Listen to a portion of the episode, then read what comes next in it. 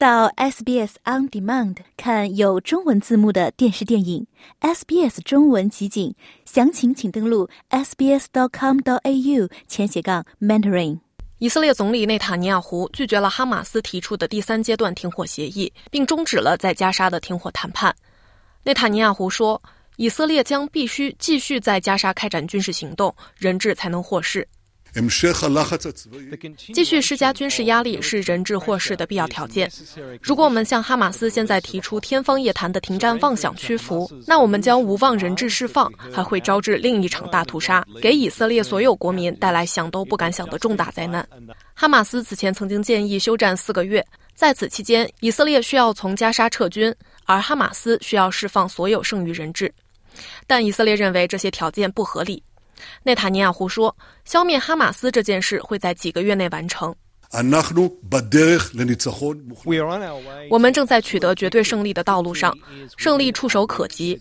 这不是一个几年或几十年的问题，而是就在这几个月了。以色列国防军创造了奇迹，正在有条不紊地向前继续推进，以实现我们在政治层面所要求的所有战争目标：消灭哈马斯，释放所有人质，并保证加沙不再对以色列构成任何威胁。然而，并非所有的停火希望都已经破灭。谈判仍在进行中，美国、卡塔尔和埃及正在以色列和哈马斯双方间充当调解人。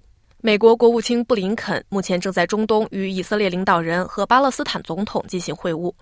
他表示，停火协议仍有可能达成。关于停火的讨论，我可以告诉你们的是，虽然哈马斯的回应中有一些明显的非确定性，但我们确信这为停战协议的达成创造了空间。我们将为此不懈努力，直至达成停火协议。哈马斯代表团将启程前往开罗，继续就停火协议进行谈判。哈马斯表示，在达成结束战争的协议之前，他们不会释放剩余的人质。哈姆丹是哈马斯政治局的成员之一，他说。尽管犹太复国主义者正试图无视我们人民在这方面所该拥有的最基本的权利，但我们对于停火协议一直展示出积极推动的态度。自从宣布这份停火文件或停火文件框架的第一天起，犹太复国主义者就一再发表声明，再三声明他们对加沙地带的侵略将持续。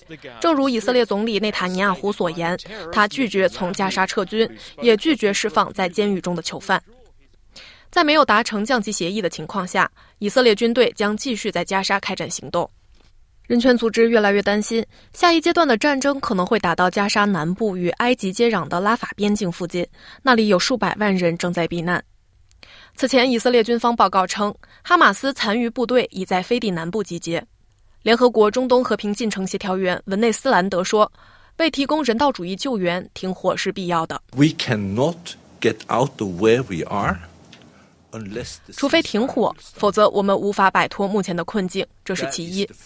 停火是达成人质换囚犯休战协议的结果，这将使我们有机会进入加沙地区，运送我们至今无法送达的物资。与此同时，美国国务卿也就联合国近东巴勒斯坦难民救济和工程处成员涉嫌参与十月七日袭击的问题发表了讲话。美国国务卿布林肯说：“必须保证此类事件在今后不会再发生。” We were deeply concerned by the allegations that were made. 我们对有关近东救济工程处的部分员工参与或卷入十月七日事件的指控深表关切。当务之急是像联合国所说的那样，进行彻底的调查，明确责任，并采取明确措施，确保此类事件不会再发生，确保为工程处工作的人员不会再以任何方式卷入恐怖主义或十月七日的事件。根据加沙卫生部的统计，在十月七日袭击后巴以爆发的战争中，已有超过两点七五万人丧生，其中大部分是儿童和妇女。喜欢、分享、评论，欢迎您在 Facebook 上关注 SBS 普通话页面。